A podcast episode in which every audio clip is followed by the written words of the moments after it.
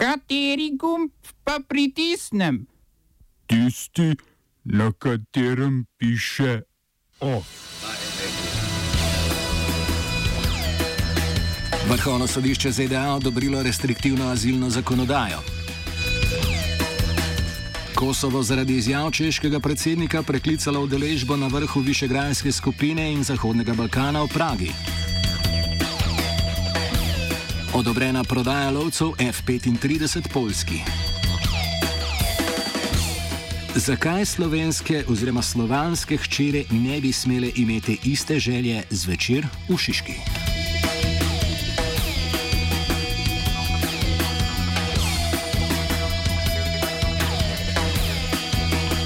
Vrhovno sodišče Združenih držav Amerike je sprejelo odločitev, kateri je začasno podprlo izvajanje nove restriktivne azilne politike vlade predsednika Donalda Trumpa. Odločitev Vrhovnega sodišča pomeni, da več tisoč ljudi na meji z Mehiko za nedoločen čas ne bo moglo zaprositi za azil. Trumpova vlada je med poletjem odločila, da ne bo več priznavala pravice do azila tistim, ki so prišli v Združene države preko tretje države, v kateri pa niso zaprosili za azil. Julija je zvezdni sodnik v Kaliforniji dvakrat blokiral izvajanje te politike, na kar so se pravniki predsednika obakrat uspešno pritožili, tako da zdaj uredba velja na celotnem ozemlju ZDA, dokler se sodišče ne odloči drugače.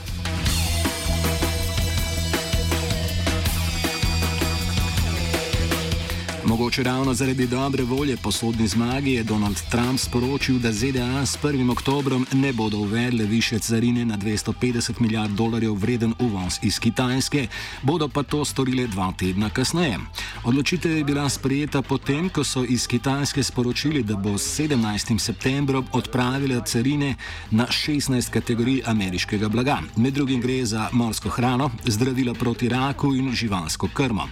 Trump je pojasnil, da se je za ta korak odločil na prošnjo predsednika kitajske vlade Liu Heja, ki bo prihodnji mesec vodil kitajsko pogajalsko delegacijo v Washingtonu.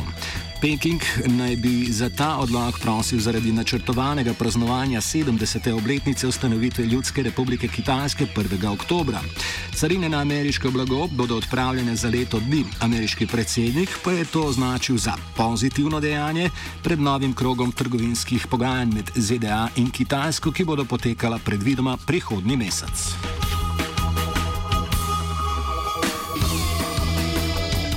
V trgovinskem duhu so prav tako z ameriškim minister, iz ameriškega zunanjega ministrstva sporočili, da so odobrili prodajo 32 vojnih letal F-35 Polski, s čimer se je flota lovcev ameriške izdelave še okrepila, potem ko je predtem že bila odobrena prodaja osmih letal Lockheed Martin F-18 Bolgariji.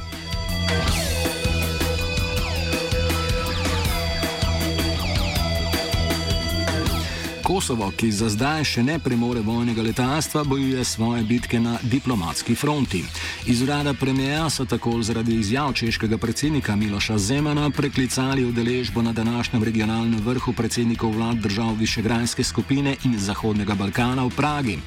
Ta je ta teden med obiskom v Beogradu med drugim izjavil, da ima rad Srbijo in ne Kosova, ter da bo videl, kaj lahko ukrene glede ukinitve pretekle češke odločitve o priznanju Kosova.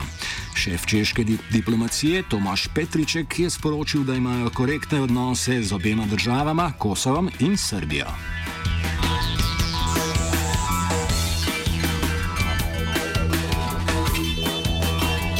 Podobni zagati se je znašel slovenski zunanji minister Miro Cerar, potem ko je predsednik Borut Pahor na bledu dejal, da bi Turčiji in Ukrajini namenili poseben status, ne pa tudi čla, polnopravnega članstva v Evropski uniji, zaradi česar si je naprtil jezo slovenskega kluba samo oklicanih intelektualcev.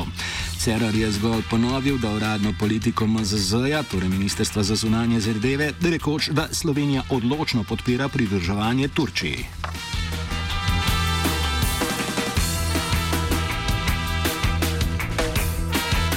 Ob včerajšnjem obeleževanju nacionalnega dneva Katalonije se je na barcelonskem Plaza de España oziroma trgu Španije in okoliških ulicah po podatkih organizatorjev zbralo okoli 600 tisoč ljudi v znak podpore neodvisnosti Katalonije. Shod je potekal na 305. obletnico paca Barcelone in posledično izgubo regionalnih organov med špansko nasledstveno vojno. Med drugim so zahtevali izpustitev 12-terice katalonskih voditeljev, ki čakajo sodbo zaradi referenduma o neodvisnosti Katalonije leta 2017, ki bo predvidoma izrečena 16. oktobra. Leta 2017 je vlada premijera Majana Rahoja zaradi referenduma suspendirala avtonom, avtonomijo katalonske pokrajine, zamenjala tamkajšnjo vlado in razpustila parlament.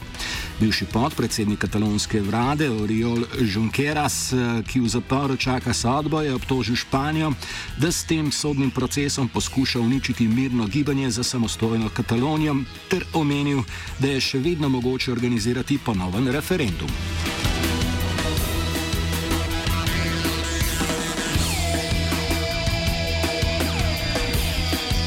Na potrebo po ozemeljski celovitosti opozarja ministr za varnost Bosne in Hercegovine Dragan Meketič, ki je včeraj znova obtožil hrvaško policijo, da nezakonito vstopa na ozemlje Bosne in Hercegovine z namenom nezakonitega vračanja migrantov. Tokrat je tudi zagrozil, da bo Bosna in Hercegovina s policisti preprečila vračanje migrantov tudi za ceno konflikta s sosednjo državo.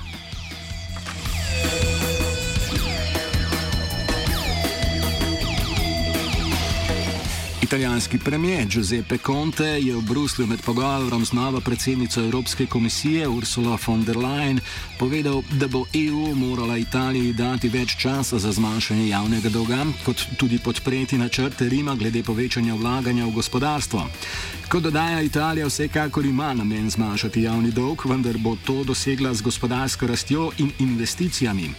Med obiskom v Bruslu, po imenovanju njegove druge vlade, ki jo sestavlja gibanje petih zvest, levo-sredinska demokratska stranka in levo-smerjeni svobodni in enakopravni, je Conte dejal, da se bo zauzel za večjo fleksibilnost fiskalnih politik EU in spremembo migracijske politike.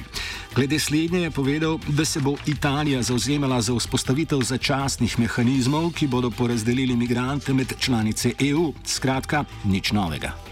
Oba, če, če bom odgovoril na angliški. Uh, uh, Slovenija bo poskušala pomagati. Slovenija bo naredila naš utmost, da bo rekla, da je situacija naš problem, sami. In mi bomo naredili nadaljnje korake, as soon as the conditions are. Bomo vlado Marjana Cererera Šarca podprli. Very, very serious. News from Slovenija. We know how and we will. Kip Gabriela Danuncija že sedi na klopi na Boznem trgu v Trstu. Odkrit je bil na današnji svečani slovesnosti ob stoletnici priključitve reke Italiji.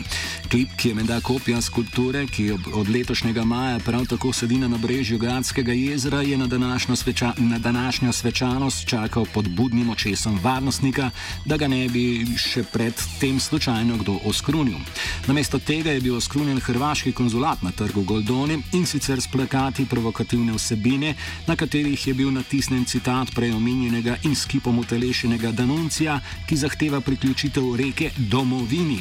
O tem, kaj počne ekip v Trstu, redakcijski strokovnjak Žiga Smolič. No, zdaj, glede na to, da ne bi se kip Danuncija postal v Trstu, se treba predvsem v prvi vrsti vprašati, zakaj v Trstu, ker Danuncija s tem mestom ni imel nič. Um, ampak zdaj če se dotaknemo samih, uh, samo vsebine nasprotovanj, ki zadevajo to postavitev uh, kipa, ne, um, so te pogosto vezane na to, da je bil denuncijo fašist.